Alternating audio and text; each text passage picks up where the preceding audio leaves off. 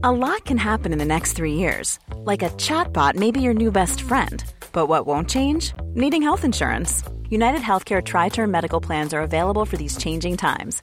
Underwritten by Golden Rule Insurance Company, they offer budget friendly, flexible coverage for people who are in between jobs or missed open enrollment. The plans last nearly three years in some states, with access to a nationwide network of doctors and hospitals. So, for whatever tomorrow brings, United Healthcare Tri Term Medical Plans may be for you. Learn more at uh1.com. Everyone knows therapy is great for solving problems, but getting therapy has its own problems too, like finding the right therapist, fitting into their schedule, and of course, the cost. Well, BetterHelp can solve those problems. It's totally online and built around your schedule. It's surprisingly affordable too. Connect with a credentialed therapist by phone, video, or online chat, all from the comfort of your home. Visit betterhelp.com to learn more and save 10% on your first month. That's BetterHelp H E L P. Ready to pop the question? The jewelers at BlueNile.com have got sparkle down to a science with beautiful lab grown diamonds worthy of your most brilliant moments. Their lab grown diamonds are independently graded and guaranteed identical to natural diamonds, and they're ready to ship to your door. Go to BlueNile.com and use promo code LISTEN to get $50 off your purchase of $500 or more. That's code LISTEN at BlueNile.com for $50 off. BlueNile.com code LISTEN. A lot can happen in the next three years. Like a chatbot may be your new best friend. But what won't change? Needing health insurance. United Healthcare Tri Term Medical Plans are available for these changing times. Underwritten by Golden Rule Insurance Company, they offer budget friendly, flexible coverage for people who are in between jobs or missed open enrollment. The plans last nearly three years in some states, with access to a nationwide network of doctors and hospitals. So, for whatever tomorrow brings, United Healthcare Tri Term Medical Plans may be for you. Learn more at uh1.com.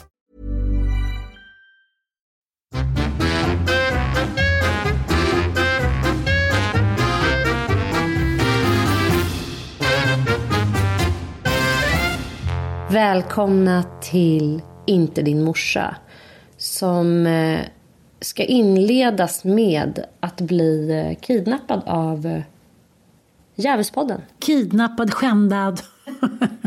Nej, men skämt åsido. Vi vet att eh, ni är många där ute som eh, kanske lever tillsammans med någon eller själva eh, mår dåligt. Ja. Utsatt för situationer. Vi läste en artikel om att alkoholkonsumtionen och Systembolagets siffror har skjutit i höjden eh, i takt med att coronaviruset eh, har dragit fram över Sverige. Och eh, vilket ju är ganska naturligt. Folk är hemma, folk eh, har stor oro. Eh, folk har blivit av med sina jobb. Det är liksom en stor samhällelig kris, kanske den största sen andra världskriget i Sverige. Och eh, ja, vi bara kände att vi måste, vi måste ge lite grann till alla er som sitter där ute med någon som har alkoholproblem som har förvärrats här de senaste veckorna. Och jag tänker i, så här, i hemmaisoleringens ovalda, liksom, om man inte har valt att sitta i karantän, då kommer ju såklart en ruckning av rutiner. Och eh, just det här med alla barn som här, sitter och väntar på en långtråkig vår, sitter framför skärmar, det kanske inte ens blir något, liksom, något sommarlov att prata om. Mm. Så, ja, och alla behandlingshem som mm. är tvungna att ställa in behandlingar. Eh, människor som kanske precis har tagit mod till sig att ta tag i sitt eh, missbruk. Eh, sträckt ut en hand och gått till socialtjänsten. Som inte får komma på möten nu för att de helt plötsligt har eh, stängt alla sådana möjligheter eh, på grund av coronaviruset. Eh, det händer jättemycket där ute med eh, människor som har olika typer av psykisk ohälsa, människor som har missbruk och som är i behov av då kontinuerlig rutinmässig vård för det. Alltså, vi vet ju att eh, alkoholism och alla beroendesjukdomar det är kroniska eh, och progressiva sjukdomar. Och även om du är nykter och drogfri så behöver du ta hand om den här sjukdomen kontinuerligt genom att gå på möten, alltså AA eller NA-möten. Men också olika typer av återfallsprevention som ingår i behandlingen eh, flera år efter att man har gjort en behandling när det ställs in och när det ruckas eh, på så är det ju såklart jätteskört. Och jag tror att väldigt, väldigt många eh, tar återfall nu som de inte skulle ha gjort eh, i liksom, mer stabila tider. Men jag tänker också som att vara anhörig eller medberoende till en sån människa när man själv också är orolig för om man ska kunna betala räkningar, om, ens, eh, om man har barn, kommer de kunna gå till skolan, fritidsverksamhet, kanske ens gamla föräldrar eh, mår dåligt. Alltså det här medför ju att man kanske själv inte kan vara den starka partnern som står bredvid och på något sätt ja, ser till, det är det mycket handlar om i anhörigskap, att man ska vara den som är den starka. Om man inte orkar vara det, då faller det ju än snabbare. Och jag tänker på en eh, undersökning som Brå eh, kom ut med i mitten av 2017 som då visade på att om, om vi liksom ökar vår alkoholkonsumtion med en liter sprit per år så blir det i statistiken då eh, 30 000 ökade misshandelsfall. Om varje människa i Sverige skulle göra det. Det är ganska mycket på en liter. Och du, nu när så här, man, man tittar runt på Systembolagen, de måste, hyllorna är tomma, på vissa ställen har de ökat försäljningen med dubbelt upp. Alltså det sitter människor, jag tror inte att det handlar om att bunkra. Och det tror inte Systembolagets ansvariga heller. Utan helt plötsligt så blir det liksom ja, men, dystopisk lördag hela veckan. Mm. Och det är så, när man inte vet vad som ska hända imorgon då tar svenskarna till en liksom stor jävla blöt snuttefilt och det kanske de flesta klarar av men långt ifrån alla. Och sen är det ju någonting väldigt, väldigt märkligt med den här isoleringen också. Eh, familjer där beroende eh, finns är redan isolerade på grund av skam kring den här sjukdomen och för att det på något sätt också gynnar sjukdomen. Alltså den beroende eh, isolerar både sig och sin familj och håller fasad utåt för att kunna fortsätta dricka eller droga i fred. Det är liksom en del av sjukdomen också. Och att då bli pålagd ytterligare isolering från eh, samhället, liksom, det, det kan vara extremt övermäktigt för alla som är anhöriga där ute. Alltså att man redan känner sig extremt begränsad i, i sin frihet eh, av liksom att ha en alkoholist i familjen. Och sen ytterligare så ska man liksom känna sig instängd. Det, det är helt eh, fruktansvärt. Och jag tänker att det första tipset som jag vill ge till alla som sitter i en jävligt jobbig situation eh, med kanske en partner som har tagit återfall eller en partner som har liksom ökat upp eh, ett pågående missbruk. Man kanske sitter i den här situationen när man faktiskt inte riktigt har fått hjälp än utan man försöker förmå den man lever med, om det är ett barn eh, eller om det är en kompis eller en syrra eller mamma eller pappa, att söka hjälp. Och nu liksom eskalerar det och överskuggas också av coronaviruset, liksom, det är det stora, stora problemet just nu. Så att det överskuggar ju alla andra problem på något sätt. Det tar ju fokus från eh, beroendet och missbruket. Men jag vill säga till er, det bästa, bästa tipset jag kan ge, det är be om hjälp.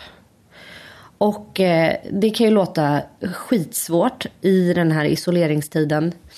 Eftersom det som sagt möten stängs ner, eh, terapeuter tar inte emot. Vem fan ska man be om hjälp? Men jag menar, ring en kompis, bryt isoleringen. Ring en vän som har insikt i den här problematiken. Du har ju varit en sån vän för mig, Ann. Alltså, jag har tre kompisar kan jag säga som jag delar eh, medberoendet och anhörigskapet med. Och ni tre är liksom eh, mina livlinor i alla typer av kriser. Överallt där mitt medberoende går bananas så vet jag, har jag som i mitt liksom, i ryggrad att eh, det är er jag ska ringa. Jag tänker att det är det första man gör om man har sådana vänner. Där är vi ju ändå lyckligt lottade. Men sen finns det också, om du tittar till exempel på nätet nu så är det väldigt många organisationer som eh, har extra öppet i sina chattar. Mm. Allt från Trygga Barnen, Trygga Vuxna, Maskrosbarn. Mm. Nu, nu hamnar jag lite kanske på barnfokus här. Men, men som sagt... Alla, alltså kvinnojourerna har extra precis, öppet. Precis. Alltså flera, det tycker jag är helt otroligt vackert i eh, coronatider. Att alla liksom bara verkligen stöttar upp. Att samhället går ut och visar sina bästa sidor. Och eh, Kyrkan är också ett tips, hett tips. Alltså kyrkor finns överallt och församlingar finns överallt. Och väldigt många har gått ur Svenska kyrkan och har ingen aning om att de bedriver en stor social verksamhet. Så har man, är man liksom i akut nöd så kan man alltid få prata med en diakon eller en präst i Svenska kyrkan i sin egen församling. Så det, och de har ju absolut tystnadsplikt. Eh, och har ofta liksom ganska utbyggda hjälpprogram i de församlingar där de arbetar. Så det är ett hett tips också. Och de kan såklart slussa vidare och ha väldigt stor kunskap om massor med olika typer av problem. Men Sen... be om hjälp, i, även i din isolering. Du har ändå en telefon och du har en dator. Det går alltid att ringa en kompis. Någon som har erfarenhet av den här problematiken. Men jag tänker också att eh, i kölvattnet av det här så, så blir det ju såklart eh, katastrofala följder. Och, och, redan efter några månader i Kina så kunde man ju eh, konstatera att eh, misshandel av barn och eh, kvinnor hade ökat. Och jag ser ingen liksom, orsak till att det inte skulle bli den följden även här, här i Sverige. Ja, men det vet man ju själv, isolerad, eh, onykter, orolig, då smäller det ju ofta liksom i de här miljöerna. Så att, jag tänker också att det finns flera kvinnohus. Eh, jag har pratat med, med, med, Nordic Choice som har planer på att liksom låna ut delar av sina hotell och verksamheter. Alltså det finns det är mycket som pågår. Jag eh, kommer försöka hålla er lyssnare uppdaterade om det här. Men, men det finns verkligen hjälp att få. Och jag vet att den här skammen som, som är vår eviga följeslagare, att man, man har misslyckats. Men just nu är det så att det finns liksom ingen tid riktigt för... Eh, alltså, ta hjälp, som Sanna säger. Det, det, det är nog jävligt mycket värre där ute än vad, mm. vad, vad man kan ana. Eller det kan vi ana. Har ja, du men... känt någon oro? Ja, men jag, jag säger så här. Eh, jag känner mig inte så rädd för coronaviruset. Men det som jag eh, inte klarar av att vara opåverkad av det är den här kollektiva oron. Mm. Den påverkar mig jättemycket. Så jag har verkligen haft så här ångestvibbar. Det var jättelänge sedan jag hade ångest. Även lättare ångest. Jag har liksom haft flera år när jag har varit ångestfri. Eh, och jag ser det verkligen som ett resultat av att jag har tagit tag i mitt medberoende och gått igenom det till punkt och pricka. Liksom. Så jag lever ett liv där jag är ångestfri eh, för det mesta. Och det, men senaste dagarna ska jag, så har det liksom kommit åt mig. Och det är någon slags dystopisk liksom, oro som inte går att ta på. Och det, det handlar väldigt mycket om eh, media, att jag tar del av massmedia. Så jag försöker liksom också säga, nej, stopp. Så här, vad är det viktigaste här nu för mig? Eh, och för alla som har, alltså vi lever ju ändå i en familj där vi har bipolär sjukdom och beroendesjukdom. Och just oro, stress, dålig sömn, det är triggers för alla de här sjukdomarna. Så att eh, för oss är det liksom extra viktigt att så här, stopp och belägg. Liksom, ta inte in det här kollektiva massstressen nu. Utan vi måste liksom, för att hålla de här sjukdomarna i schack eh, i våran familj så, så, måste vi liksom så här, back to basic. Sköt rutinerna. Det är mitt andra tips.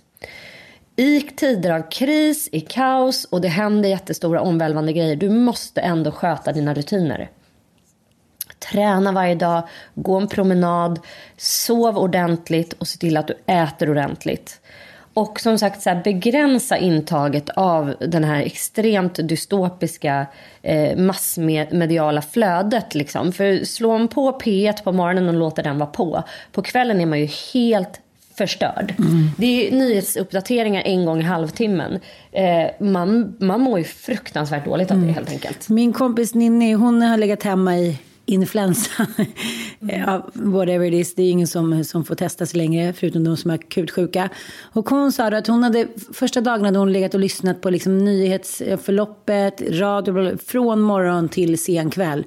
Och så kände hon sig, jag måste bara ta hon blev deprimerad. Ja. Hon bara, nej men jag tar en, en, liksom en mediafri dag. Sen är ju det såklart att vi måste hålla oss uppdaterade för allting som sker. Vi måste ju respektera liksom samhällets restriktioner. Men hon sa det, när jag hade tagit en liksom mediafri dag från bruset, då mådde jag så jävla mycket bättre. Så jag, jag tänker att man måste tänka att det är mycket som påverkar oss mycket mer än vad vi tror. Mycket mer. Vi tror att vi kan stå fria, att man kan använda sin sunda förnuft och att man kan tänka bort och sådär. Men vi klarar inte riktigt det. Så jag, jag menar verkligen det. Ta en mediafri dag en annan grej om man ska se det from the bright side, alltså det här läget. För många nu eh, tror jag känner så instinktivt att så här, nej men gud vad mysigt då får jag vara hemma och verkligen så här, rå om mitt hem och all, göra allt det där som man inte hinner med. Och man kan kanske måla om något rum. Och det finns ju ändå bra grejer man kan göra hemma. Liksom. Men för människor som har då en aktiv alkoholist eller narkoman i sitt hem så är det ju en mardröm. Shit, nu måste jag vara hemma. Shit, nu kan inte jag liksom jobba, fly eh, genom att umgås med vänner. Jag kan inte fly in i så här massa kringaktiviteter utan jag kommer att tvungen att vara i det här hemmet där den här aktiva personen befinner sig. Vad ska jag göra? Vad ska, vad ska jag ta mig till? Och, och det enda positiva jag kan se i det, det är att man, när man inte kan fly så kanske man är tvungen att liksom inse hur allvarligt det är. Därför att eh, som medberoende så lever man ju också i förnekelse. Och har man bli, liksom levt isolerat Eh, i den här tystnadsskammen med en person som är aktiv så, så kan man ju på något sätt så överleva genom att fly in i andra aktiviteter. Jobba supermycket, eh, hänga med sina vänner, att liksom så hålla sig undan hemmet. Men nu när man inte kan göra det så kanske man kan använda den här situationen som en ögonöppnare för sig själv. Problemet är ju att det, man kan säga så här, nu är det kanske inte rätt tid att ställa det största ultimatumet så här, du måste söka hjälp. Det finns faktiskt typ ingen hjälp att Nej. få. Men jag tänker också att det finns eh, säkert eh, menar, vänner man kanske kan åka hem till om ni har något sommarställe. Man får bara försöka hålla sig liksom vid sina sinnesfulla bruk de närmaste veckorna. Så känner jag. Det är fan undantagstillstånd. Mm. Då är det också bara så här, försöka ta sig därifrån. Vare sig man har barn, hund eller hamster. Det är liksom att sitta och dras ner ännu djupare. Det... det är också det som är så obagligt att människor idag kanske stänger sina hem. Ja. Att så här, ja, social isolering, liksom att vi ska försöka liksom, ja, undvika sociala kontakter. Men jag vill verkligen uppmana er som har vänner eh, som har den här typen av problematik i sina hem till att så här, fan, öppna upp era hem ändå. Alltså. alltså det är in, den här coronaviruset smittar inte. Det finns inte en enda studie som visar att man smittar om man inte har symptom. Så att liksom, man behöver inte bunkra in sig och inte släppa in en vän i nöd. Det går alltså utmärkt att ta emot en symptomfri vän som behöver hjälp. Så liksom låt era hem vara öppna för de som verkligen behöver. Verkligen. Och också så här, det är ju fortfarande att när vi isolerar oss så blir, sker ju ännu mer liksom, galenskap bakom stängda dörrar. Mm. Så alltså, försök att eh, fråga liksom, era vänner, era medmänniskor. Ställ den här extra frågan både till barn och vuxna. För att det är, så här, det är många som behöver en hjälpande hand just nu. Och jag tänker också att som sagt om man kan använda den här tiden till någonting positivt trots att man kanske sitter isolerad och har då en aktiv person i sitt liv så tänker jag att man kan använda den här tiden till att läsa om det. Läs, det finns hur mycket bra e-böcker som helst, jättemycket bra ljudböcker. Vår bok finns, mm. eh, Djävulsdansen blir fri från medberoende. Eh, du kan se det här som ett tillfälle att verkligen lära dig allt du behöver veta om beroendesjukdomen. Eh, det finns också massor med bra chattforum där man kan gå in och prata. Som sagt, du nämnde några organisationer. Trygga Barnen, Maskrosbarn. Där det finns hjälp att få människor att chatta med och Mind. ställa frågor. Mind är bra också. De har... Mind är jättebra. Mm. Eh, även Alanon har uh, möjlighet till så här, jourtelefon och sådär. Kris också. Ja, så att in och fråga, ställ alla frågor du vill. Se det här som ett tillfälle att verkligen så här, sätta strålkastarljuset på beroendesjukdomen och vägar ut ur den. Även om det kanske inte kan ske nu så behöver vi alla förbereda oss på när det kan ske. Det är också någonting som jag tänker att man kan använda den här eh, tiden till. I vanliga fall är det svårt att få eh, någon som har problem med någon form av missbruk att erkänna att den har ett problem. För det är ju inte så att de själva anser sig ha ett problem. Nej, precis. Så jag tänker att i tider när människor är oroliga, mår dåligt och krisar så kommer det ju inte direkt vara lättare att påpeka för den här personen som nu tycker att den kan rättfärdiga sin snuttefilt då, eh, liksom alkoholflaskan eller spritflaskan Så jag känner lite så här, försök ta hand om dig själv. Försök att liksom så mångt och mycket du kan stå fri från den här personen just nu. För att som sagt, som vi sa innan, det, det finns inte så mycket hjälp att få. Nej, det finns inte. Det, det är kanske inte just precis nu man ska Nej. försöka få iväg någon till ett behandlingshem eller till någon eh, liksom avgiftning. Så här, utan försök att ta hand om dig själv. Du som står bredvid. Det är liksom lättare sagt än gjort när man ser någon annan falla och rasa kring sig. Men ta hand om dig själv. Som sagt, rutiner. Ha en rutin för hur du tar hand om dig själv och dina barn framför allt. Jag tänker också på, eh, på någonting som kan försvåra det. Det är ju också att eh, de flesta aktiva alkoholister har ju faktiskt ett jobb och håller upp fasaden dagligdags. Mm. Så att så mångt och mycket, så här, försök att få eh, era partners eller anhöriga att hålla sig stick to the rutinplan. Så finns det liksom färre fallgropar att falla ner i när man, man försöker ha en rutin även om man jobbar hemifrån. Att ställa det kravet att så här, vi, nu måste vi leva som vanligt även om vi är isolerade. Gå ut och ta en promenad, gå upp tid på morgonen. Alltså gör allting som ni skulle ha gjort annars. För att blir det bara att det är som ett enda långt dionysiskt näste där hemma för alkoholisten, då går det käpprätt åt helvete jävligt fort tror jag. Det var en kompis till mig som la upp eh, på Facebook, delade en statusuppdatering så här. Japp, då går man in i isolation med familjen och så la hon upp en bild på The Shining. och det, är så här, det tycker jag, det är humor liksom. Ja. Men det ligger ju en dels så är ju, du, du vet väl det, att The Shining är verkligen, hela den filmen handlar ju om en dysfunktionell alkoholistfamilj. Jaha, det Och visste jag inte. att spökena eh, i den här filmen är ju alltså eh, delirium. Okej, okej, okej. Så titta på The Shining och, och alltså... Och må bättre. Ja men Steven Spielberg. filmen Nej men han växte ju upp med en alkoholiserad pappa. Fattar, så att han har ju skrivit flera av hans böcker och allt det här. Alltså alla hans här skräck... Eh, om man läser in, eh, om man tolkar utifrån dem. Det är väldigt intressant faktiskt. Eh, The Shining handlar ju om alltså, att han har stora alkoholproblem och den där isolationen som ju han då bokstavligen skildrar i The Shining. Men det är ju också en bild för vad som händer i alkoholistfamiljen, att man isolerar sig. Och att extremt så stora rädslor får fäste för att allting är väldigt oförutsägbart för det här lilla barnet. Mm. Så som ähm. sagt, så här, och även om man inte knackar på någons dörr så kan man ju faktiskt via liksom, chattar, via ja, mail, via sms ja. prata med de som är nära och fråga hur det verkligen är. Och fråga inte bara en gång. Nu, nu är inte tiden för att så här, sitta och vänta på att handla utan vara så här, kollektivt ansvar för alla våra medmänniskor, inte bara barnen. En grej också som folk... Vi har inte något utegångsförbud i Sverige. Nej. Ut! Gå ut och gå promenader. Mm. Ut och rör. Det är vår, det är strålande sol just precis idag. Det är det förstås inte varje dag. Men alltså, man kan ju göra massor med härliga grejer utomhus. Gå till parken. Gå och ta en kaffe med någon som behöver ta en promenad. Gå ja. liksom, bryt isolationen på de sätt som det går att göra det på. Jag och Sanna kommer eh, liksom här närmaste veckan försöka komma på lite vad ska jag säga, påhittiga idéer och förslag för att kunna eh, hjälpa er som eh, mår dåligt. Just nu, ja verkligen. Ja, vi återkommer om några dagar.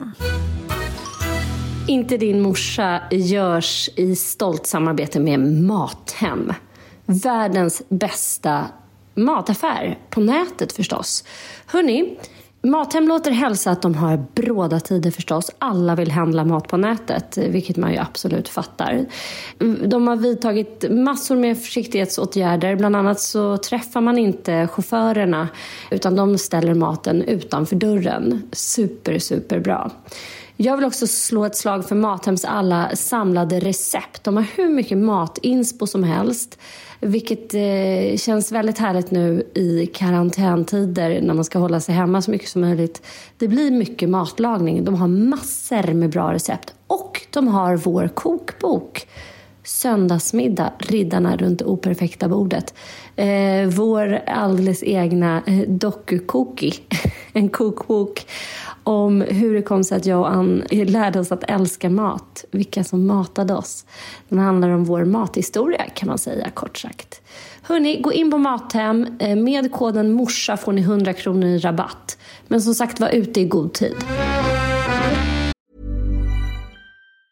Mom deserves the best, and there's no better place to shop for Mother's Day than Whole Foods Market. They're your destination for unbeatable savings, from premium gifts to show-stopping flowers and irresistible desserts. Start by saving 33% with Prime on all body care and candles. Then get a 15-stem bunch of tulips for just $9.99 each with Prime. Round out Mom's menu with festive rosé, irresistible berry chantilly cake, and more special treats. Come celebrate Mother's Day at Whole Foods Market. Ready to pop the question? The jewelers at BlueNile.com have got sparkle down to a science with beautiful lab grown diamonds worthy of your most brilliant moments. Their lab grown diamonds are independently graded and guaranteed identical to natural diamonds, and they're ready to ship to your door. Go to BlueNile.com and use promo code LISTEN to get $50 off your purchase of $500 or more. That's code LISTEN at BlueNile.com for $50 off. BlueNile.com code LISTEN. Even when we're on a budget, we still deserve nice things. Quince is a place to scoop up stunning high end goods for 50 to 80% less than similar brands. They have buttery soft cashmere sweaters starting at $50, luxurious Italian leather bags, and so much more. Plus, Quince only works with factories that use safe, ethical, and responsible manufacturing. Get the high-end goods you'll love without the high price tag with Quince. Go to quince.com/style for free shipping and 365-day returns. Hiring for your small business? If you're not looking for professionals on LinkedIn, you're looking in the wrong place. That's like looking for your car keys in a fish tank. LinkedIn helps you hire professionals you can't find anywhere else, even those who aren't actively searching for a new job but might be open to the perfect role. In a given month, over 70% of LinkedIn users don't even visit other leading job sites. So start looking in the right place. With LinkedIn, you can hire professionals like a professional. Post your free job on linkedin.com slash people today. Ha, annars då? nu går vi över till Inte din morsa här. Då skulle jag vilja ta upp eh, en stilstudie i en medelålders kvinna som helt plötsligt inser att hennes liv har varit en jävla fejk och nu sakta men säkert såhär, bryter ihop framför kameran. Det är Jennifer Aniston i... Uh, The Morning Show. Ja, som jag nu har börjat titta på på uppmaning från dig. Och liksom, den är, det är så bra. Det, hon är så bra. Nej, hon är liksom... Åh, oh, jag bara ryser när vi pratar om det. Ja. Men så, så eh, har jag kommit in, typ, så nu, det här, nu ska jag inte vara någon spoiler alert, men eh, det återkommer mycket till att man ska känna skuld när man sätter jobbet i främst och sig själv i, i första hand, vilket vi medberoende människor har väldigt eh, problem med. Jag är mitt uppe i och, och eh, dissekterar det i min terapi här, att jag liksom mår dåligt när jag sätter mig själv i främsta rummet och det blir liksom en fysisk reaktion. Precis som någon kan få en posttraumatisk stressreaktion. Du klarar liksom... inte av att någon anklagar dig för att vara självisk? Nej. Då får du liksom sån jävla skam Sköljning. Ja, då får jag den här klassiska som så här, men freeze typ. Mm. Spela död. Och jag har liksom frågade min terapeut, jag var så här, jag fattar inte vad det är. För det kan vara sådana liksom, små jävla skitsaker som jag och Mattias inte bråkar om, men att jag blir besviken på honom. Och det kan vara liksom, ja, men den mest löjliga saken, så blir jag som att livet går under. Ja. Jag bara sitter som liksom en människa som har förlorat allt hopp hopp, hopp. Och sen kommer hoppet tillbaka. Men under den här tiden, det är ungefär som när man får liksom PMS, tänker sig att jag är inte så lycklig som jag trodde, livet är bara mörker. Precis den känslan får jag under kanske så 20 minuter. Så känner jag så här, nej men jag kan inte laga mat ikväll, jag kan inte ta hand om barn, jag, liksom, jag har ingen framtidshopp. Jag är typ en slagen människa. Och då sa hon det, att det är de här gamla klassiska liksom ja, men spela död om du är utsatt för liksom, något hot. Alltså, du, du hamnar tillbaka in i grottan. Amygdalan bara slår Precis. på så hårt på dig. För att jag kanske har blivit besviken så många gånger. Jag tänker att nu kanske någon ska göra någonting för mig. Mm.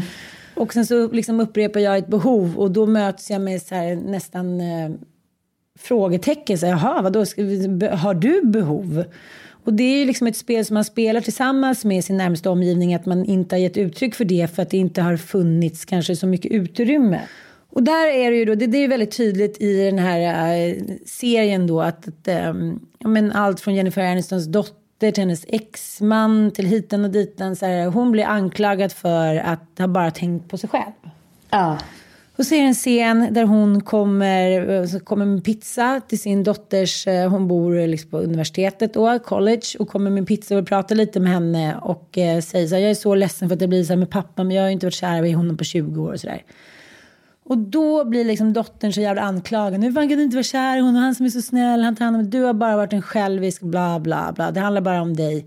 Och då får Jennifer Aniston ett sånt jävla spel. Vi ska lyssna lite på den här scenen. Did you really just say that? Yeah, I did. I just said fuck you. And I mean, how fucking dare you? After all that I have done and all that I have given to you, my life, my love, my body. I broke my fucking vagina with a big fucking head of yours. And I had to be surgically sewn back together. I bet you didn't know that, did you? Här ser vi, hon tröttnar på sin bortskämda snorunge som hon själv har skapat och är bara så här, fuck you. Jag har liksom gjort allt för dig, jag tycker att det har varit viktigt med jobb, jag har inte stuckit under stol med det, men så här, fuck you. Och dottern bara, fuck you. Och sen springer hon in och så tar hon pizzan så går hon därifrån. Såklart jätteledsen och hon mår piss. Men ibland är det lite så här, jag är ändå förvånad över det, att det fortfarande är så i en familj att när mamman uttrycker behov eller ska göra någonting, då är det som hela familjen blir som, som små såna här kycklingar som går åt fel håll. Men också att så här, Jennifer Anistons eh, karaktär, alltså hon är ju en workaholic förstås. Ja.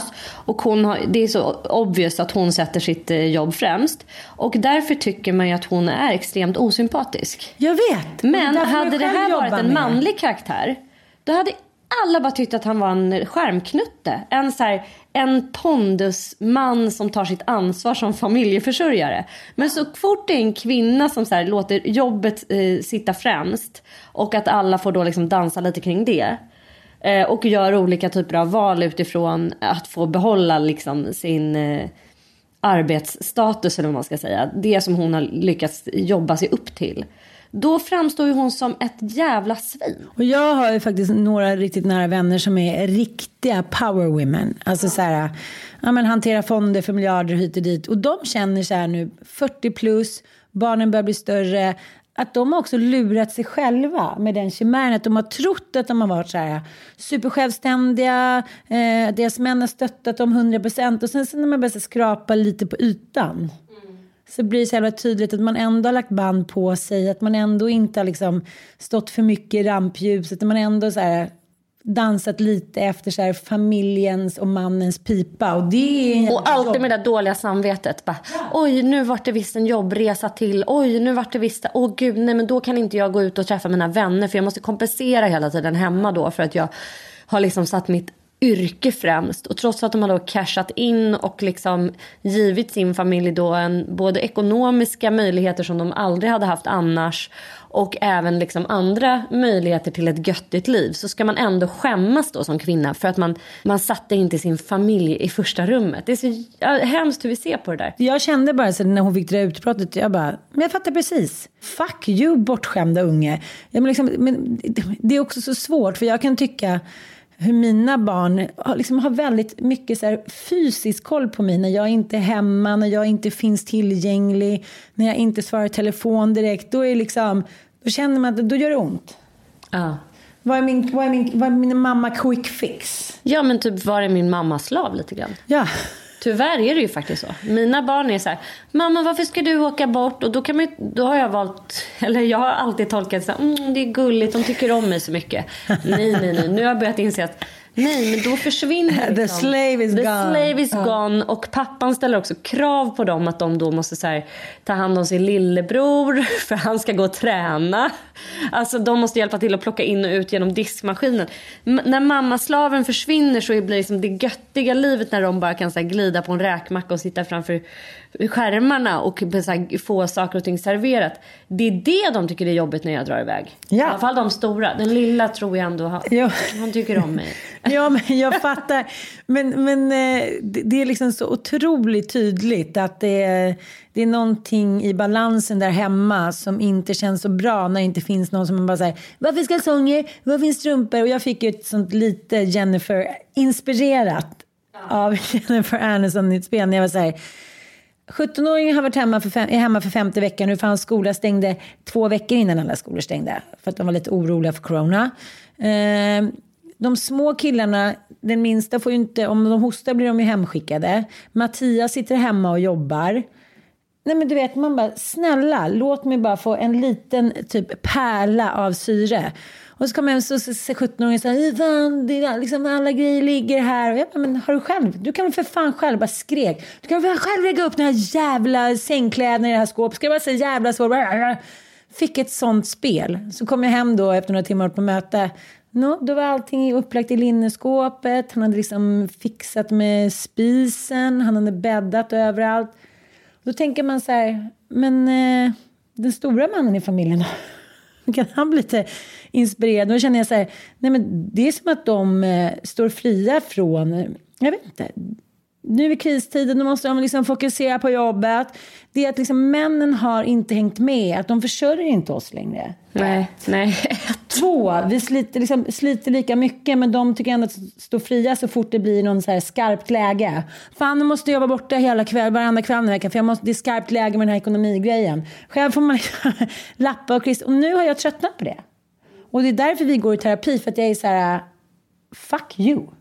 Och då fick man kanske inte får berätta om sånt här, vad som händer i terapin. Men jag säger ju inte vad hon säger. Nej, nej. Du, ja. du, du bäddar in det här. Jag bäddar in det. Men du skriver fick... om det lite. Men sist jag var där så gav hon mig en sån här hundbajspåse med så här hundar på. Och så sa hon så här, nästa gång som du känner att så här, nu är det bara massa skit som snackas, då ger du honom den påsen. Och så säger stoppa ner din bajs här. så nu ligger den där skitpåsen bredvid min säng. Men vi fick också ett jättebra tips. Eh, och det kanske man också kan använda i såna här tider. Att istället för att gå på första känslan hela tiden. Så skriv en lapp och lägg i en burk. Och det det där, också... Min terapeut kallade det där stopp och tänk, -huh. Sanna. Gå inte in på impuls. När du känner något, stopp och tänk. Och sen så, liksom, om känslan kvarstår sen efter liksom ett tag. Då är det någonting viktigt som man behöver ta upp och ja. prata om. Och så gör det då när vi är på ett bra sätt. För både du och jag, eftersom vi under så många år när vi har känt, hamnat i krissituationer eller liksom inte känt oss sedda eller blivit förbisedda och liknande. Det är klart att vi snabbt kan hamna i en frustration och en sån känsla. Det märker jag på båda oss två. Det kan ju vara i vardagslivet också. Mm. Därför är det där så himla bra. Och jag tycker bara att på liksom tre, fyra veckor så tycker jag att det har förändrat vår relation i grundvalarna. För vi båda, så man blir itchy på morgonen, så här, jag inte göra Och nu är det så här, nej, ni ska inte liksom hålla på och prata med varandra på morgnarna. Ni gör det ni ska, en lämnar på dagis, den andra... Alltså integrera inte så mycket med varandra. Det har faktiskt hjälpt väldigt bra. Bajspåsen. Så ja, ändå roligt när de kommer med så konkreta grejer som funkar. Man tänker att det där är lite så här nästan lite buskis. Vad fan är det där för? Lite Stefan och Krister. Ja, men jag hade ju också en terapeut, min kära gamla Lasse, som har så här. Nu går du och köper en bakelse till dig själv. Bara, Varje dag. Snacka karln om. Ja, men att man skulle liksom ge sig själv en liten treat.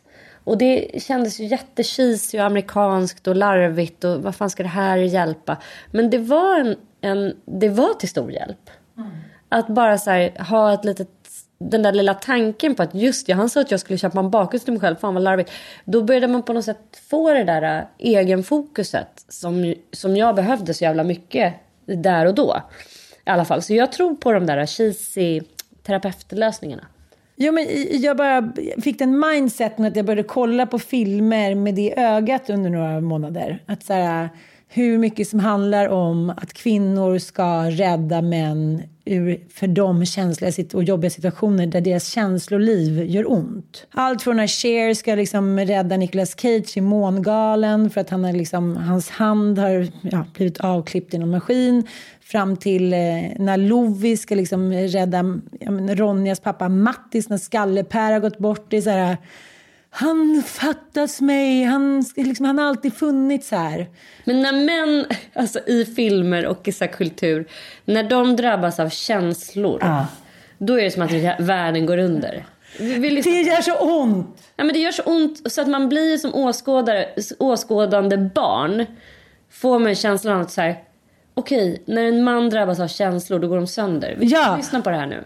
Han har funnits jämt och nu finns han inte! Mattis, du vet att ingen får finnas jämt. Vi föds och vi dör. Så har det alltid varit. Vad jämrar du över? Han fattas mig! Han fattas mig det skär i bröstet. Och då när jag hade de här glasögonen på mig då, stackars män-glasögonen, då kunde jag ändå tycka att det var en fin scen. Att så här, Lena Nyman kramar och så här, sitt, ja, men som hon säger, så här, sätt dig ner, lägg ditt huvud i mitt knä och bla bla. Men sen andra sidan känner jag så här, men vad fan, alla kvinnor som behöver ha ett knä, en kram, en famn. Hey, Jennifer Aniston, you do it for me. Det, det är liksom... Och det är så konstigt och så jävla tydligt också då att när män får känslor, då är det livsfarligt. Det är en livsfarlig känsla för det gör så jävla ont. Ja. Så då kan man bara tänka sig hur många så tickande bomber som går där ute. Och så kommer känna coronakänslor. Men jag, jag har också noterat att det finns den nya coronamannen. Vad är det för man då? Ja, men han är en ny och bättre uppdaterad version av sitt jag. Och det var ganska intressant. Jag var på en middag för ett tag sedan och då var vi eh, ja, men, några familjer och eh, mannen i den ena familjen har blivit av med jobbet. I corona som en Nej, corona- innan. effekt? Så att han liksom, ja men han, eh, ja han fick, jag vet inte hur mycket han fick, men han fick någon avgångsuppgörelse liksom.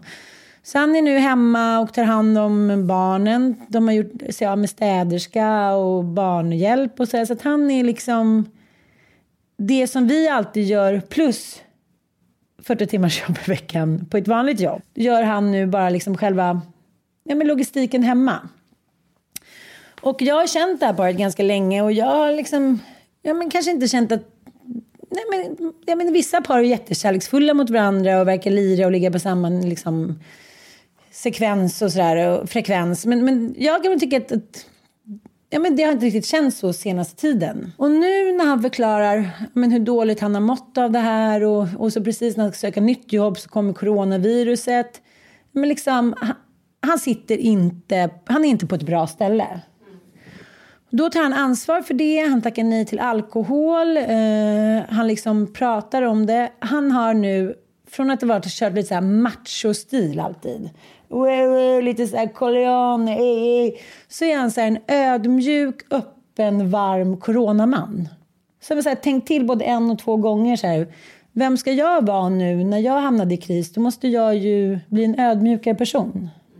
Vilket har gjort att hans fru har en helt annan blick på honom.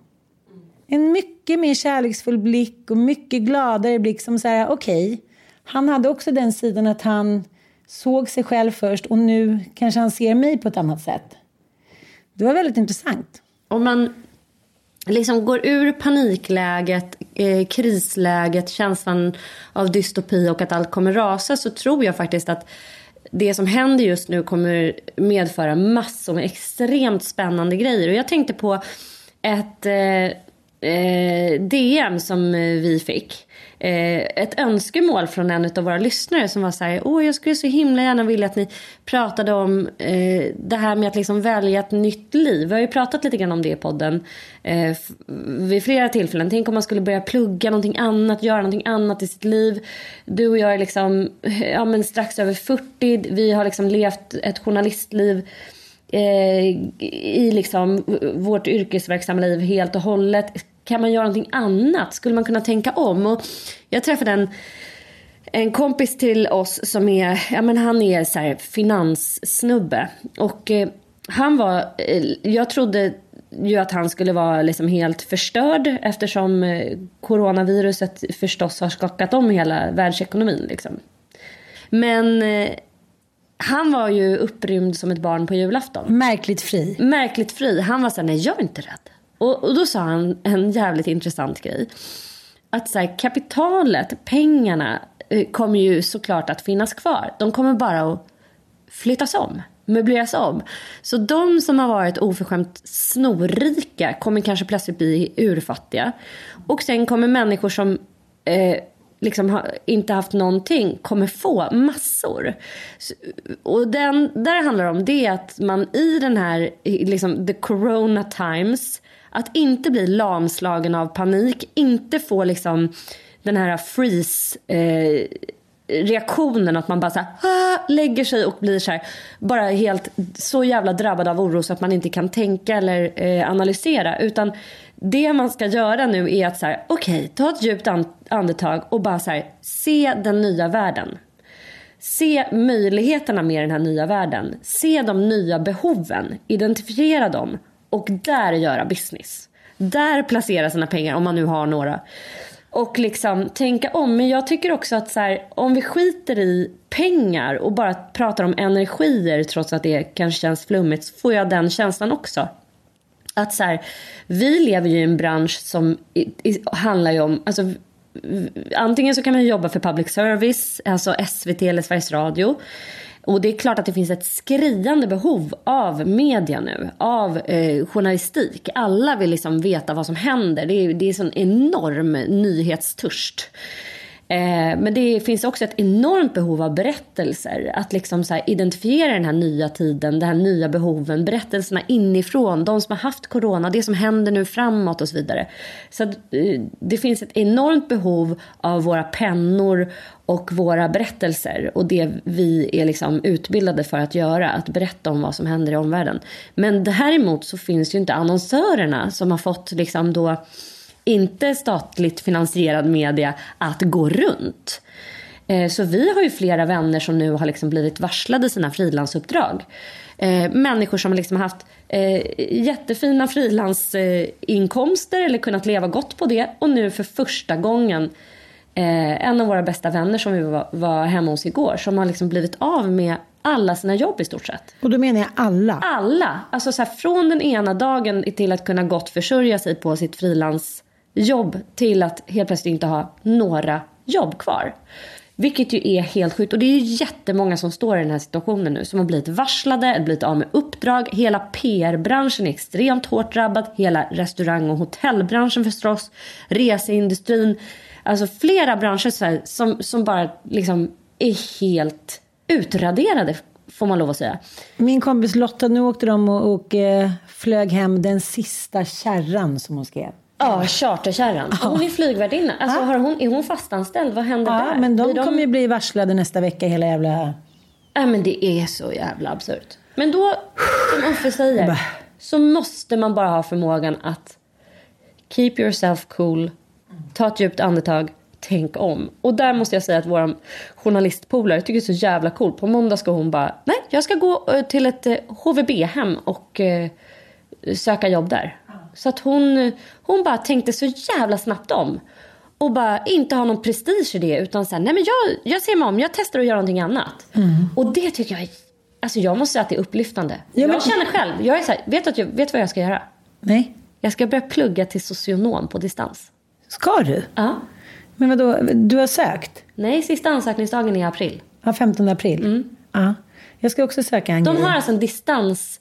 Jag kan läsa till socionom en tre och ett halvt år lång utbildning på Gävle högskola till socionom. Det är helt sjukt. Jag vet inte om jag kommer in nu. Nej. Men jag hoppas. Det är väldigt många som kommer ansöka om man säger så. oh, tack.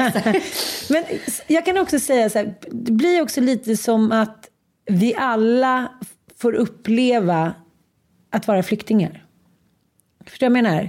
Vi vet liksom, det är stängda gränser och öppna gränser. Vi kanske inte kan få jobba med det får jobba med. Vi lite så här, vi har flyttat till ett nytt land där vi inte kan vara så jävla högfärdiga längre. Nej, vi kan inte ställa så höga krav. Man sitter och åker taxi så är man så här, jaha, du kommer från Irak, så, jaha, du var överläkare där, nu är du taxichaufför. Det är klart att vi någonstans tycker så här, åh stackars honom, och så kommer han hit så får han jobba som taxichaufför liksom. Hela eh, den geografiska yrkeskartan kommer ju målas om. För att det är så här, vi måste överleva. Om det då är att vi får köra taxi. Nu åkte jag för sig med en taxikille igår. Han bara, jag har haft två körningar idag istället för 30 som vanligt. Mm. Kanske just taxibranschen inte är så Nej, jag menar men... bara att så här, vi kommer inte kunna sitta och det är många som säger generation X, bortskämda liksom 90-talister och 80-talister som bara säger äh, det tycker inte jag är roligt, äh, det tänker inte jag göra så här. Vi kommer alla få kavla upp var, liksom armarna och det blir ett mer klasslöst samhälle. Det blir en annan solidaritet på mm. gott och ont. Det kommer möbleras om. Kapitalet ja. kommer möbleras om men också våra energier, vilket jag tycker är, jag måste säga att det är uppfriskande. Och att så här, är det någon gång man kan tänka nytt och tänka liksom utanför alla så här. Jag menar vi är också i den åldern där vi har blivit placerade och vi har hamnat i någon slags så här, för att återgå till klassanalys. Så att så här, vi sitter fast i, i någon slags så här, övre medelklass. Liksom så här, det, man blir väldigt cementerad fast i det. Men vid en sån här stor samhällelig omvälvande situation. Det är då folk kan bara så här, kastas från det ena sammanhanget till det andra. Alltså man bara möbleras om som ett stort sånt här, vad heter de, Kubricks kub. Bara trrrt, liksom. Det är någonting eh, härligt med det också. Trots att det förstås är skrämmande. Jag förstår att folk säger att jag har byggt upp hela mitt liv och nu kommer allt rasa och så här. Yes, men det kan bli till det bättre också. Och därför, det blir som jag också blir mycket mer Alltså man blir så här socialdemokrat av bara farten. Igår så lyssnade jag på Arnold Schwarzeneggers senaste lilla inlägg där han sitter och matar bland annat en åsna och en liten minihäst och så här uppmuntrar alla att så här, stay strong för att det här klarar vi tillsammans. Då känner jag så här, fuck you. Du sitter i ditt jävla Fort Knox, i ditt feta hus, du har massa millar, du har säkert guld undanstoppat och massa stålar.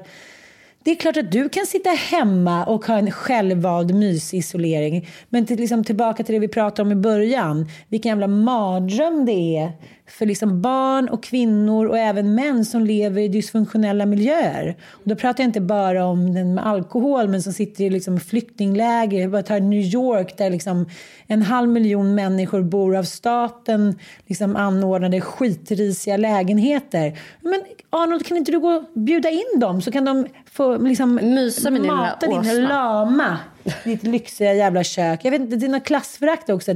De som redan syns och redan kommer klara sig berättar om sin självisolering och hur, ja, hur, hur skönt det är att man kan vara med familjen hit och dit. Ja, det är skitskönt med er, men det är helt vidrigt för den stora massan.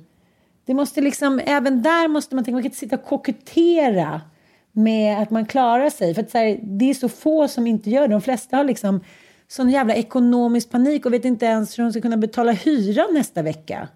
Och det, blir ingen, liksom, det är ingen hyresvärd som har gått ut i någon tidning och så utmanat sina polare på olika stiftelser eller skit och sagt så här Ja, ah, men nu tycker jag vi sänker hyran till halva. Inga jävla banker har ringt mig och sagt vet du, vi kan skita i amorteringen här nu ett halvår för jag förstår att du har det tufft. Nej, nej. Nej, de är tysta som i graven och bara... De, ser, de vill liksom kräma ur de sista av de sista kronorna. Liksom. Så är det ju. Ja, precis. För de vet inte vad som kommer hända. Men jag har en kompis som äger massa fastigheter. Hon var så här, men vad ska det hjälpa mig att vara en fitta nu? Då kommer inte jag få in några hyres, eh, hyror överhuvudtaget om ett år. Nej.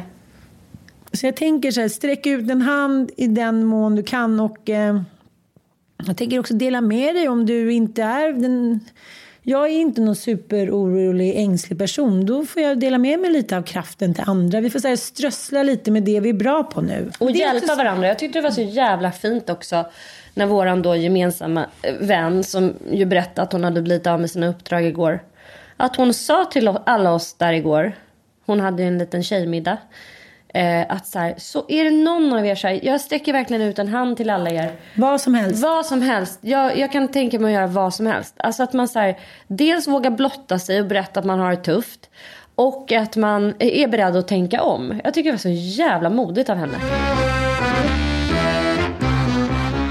Du, vi har en, en spaning till på coronatema som jag känner att jag måste dela med mig av. Eh, som jag tror kan lindra lite oro. Eh, för att många freakar över så här, ah, gud alla är, är ute i Europa, de stänger sina skolor, och de isolerar och man får inte gå ut och varför gör vi inte det i Sverige? Varför gör vi inte det i Sverige? Vad är det som är så uh, jävla svårt för Folkhälsomyndigheten att liksom bara så här, göra precis som alla andra?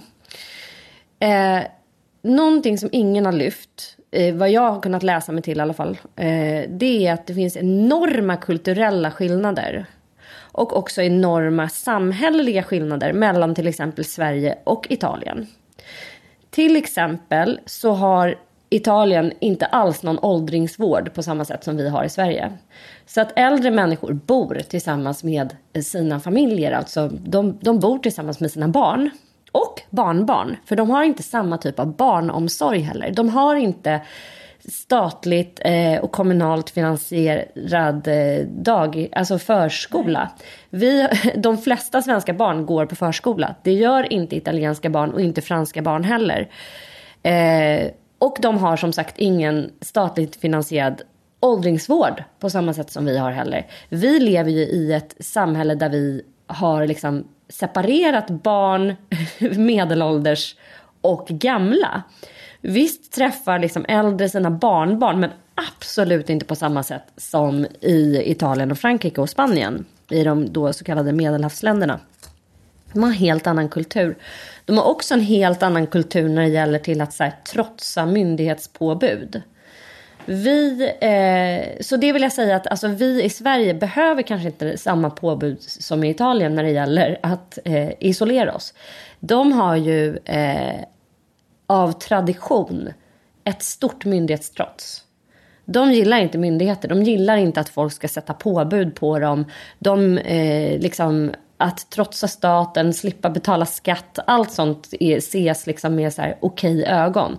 I Sverige så är en skattesmitare det fulaste som finns. Det är fan värre än en våldtäktsman. Alltså du får högre straff eh, för att ha smitit skatt än att ha begått en våldtäkt. Helt sjukt. Helt Eh, sjukt. Så, så, så där har ju vi liksom, eh, on the other hand, ett enormt så här, myndighets...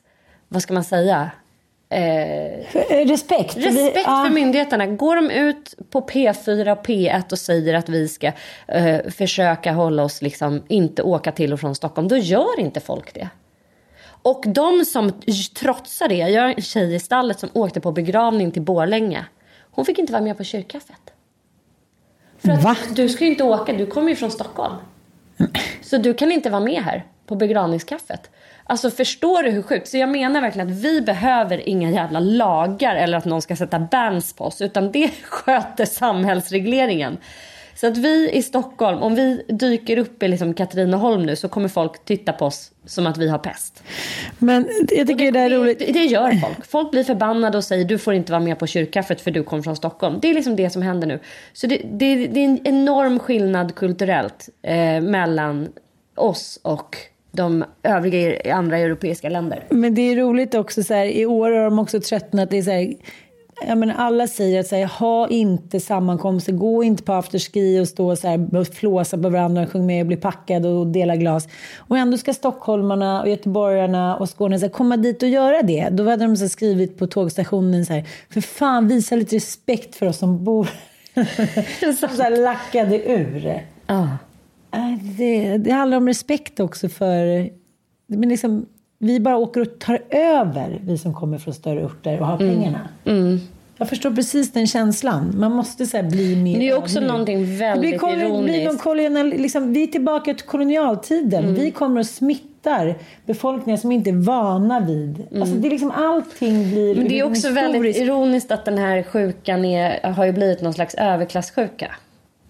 Att det är liksom de som har haft råd att åka till italienska alperna och stå och slafsa på någon afterski och, och liksom så här leva hedonistiskt. Och de kommer hit och så klarar de heller inte av den här sociala isoleringen utan de är tvungna att skutta runt och ha olika typer av sammankomster och fester. Eh, och smitta varandra. Ännu mer. Som en liten avslutning här då så fick jag faktiskt precis en, en liten sån här shoutout från Systembolaget. Får vinet levererat hem? Nu när vi ska undvika att gå hemifrån är det en stor tröst. Ja, det är en jättesupertröst. Att veta att Systembolaget levererar direkt till dörren. Så här gör du. Alltså det här är bland det sjukaste jag har hört. Första kollit kostar 120 kronor. Varje kolli efter det kostar 80 kronor styck. Ett kolli rymmer upp till helflaskor. Nu sitter alltså staten Och kränger och, och kränger... Vad fan är det frågan om? Fan Nej men det här är det sjukaste.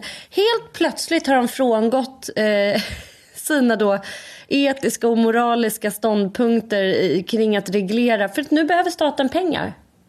Nej men det här är så jävla sinnessjukt. Herregud. Och också, om ni vill så blir vi jätteglada om ni delar med er av era historier. Ni kan bara DMa så kan vi eh, använda Ta upp det. dem i nästa podd. Precis. Och eh, ni som känner er starka där ute som kanske har precis tagit er ur en relation. Dela med er av dem som inte har varit lika starka just nu. Alltså, det är så många som behöver stöd och hjälp. Trösta, tröstandes ord. Även om det känns outhärdligt svårt just nu så Finns där för varandra och ring en kompis. Ring och be om hjälp. vi eh, håller ögonen öppna. Vi, ska, vi, vi kommer med, med lite stöd i veckan. Det gör vi. Puss och kram. Hej då.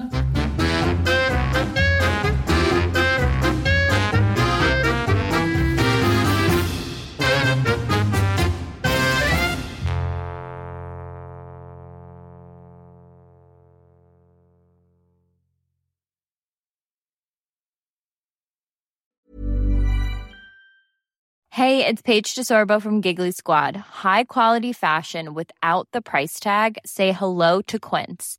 I'm snagging high-end essentials like cozy cashmere sweaters, sleek leather jackets, fine jewelry, and so much more. With Quince being 50 to 80% less than similar brands. And they partner with factories that prioritize safe, ethical, and responsible manufacturing. I love that. Luxury quality within reach. Go to quince.com slash style to get free shipping and 365 day returns on your next order. Quince.com slash style. Mom deserves the best, and there's no better place to shop for Mother's Day than Whole Foods Market. They're your destination for unbeatable savings, from premium gifts to show-stopping flowers and irresistible desserts. Start by saving 33% with Prime on all body care and candles. Then get a 15-stem bunch of tulips for just $9.99 each with Prime. Round out Mom's menu with festive rosé, irresistible berry chantilly cake, and more special treats. Come celebrate Mother's Day at Whole Foods Market. Imagine the softest sheets you've ever felt. Now imagine them getting even softer over time. That's what you'll feel with Bowl and Branch's organic cotton sheets. In a recent customer survey, 96% replied that Bowl and Branch sheets get softer with every wash. Start getting your best night's sleep in these sheets that get softer and softer for years to come. Try their sheets with a 30-night guarantee. Plus, get 15% off your first order at bowlandbranch.com. Code BUTTERY. Exclusions apply. See site for details.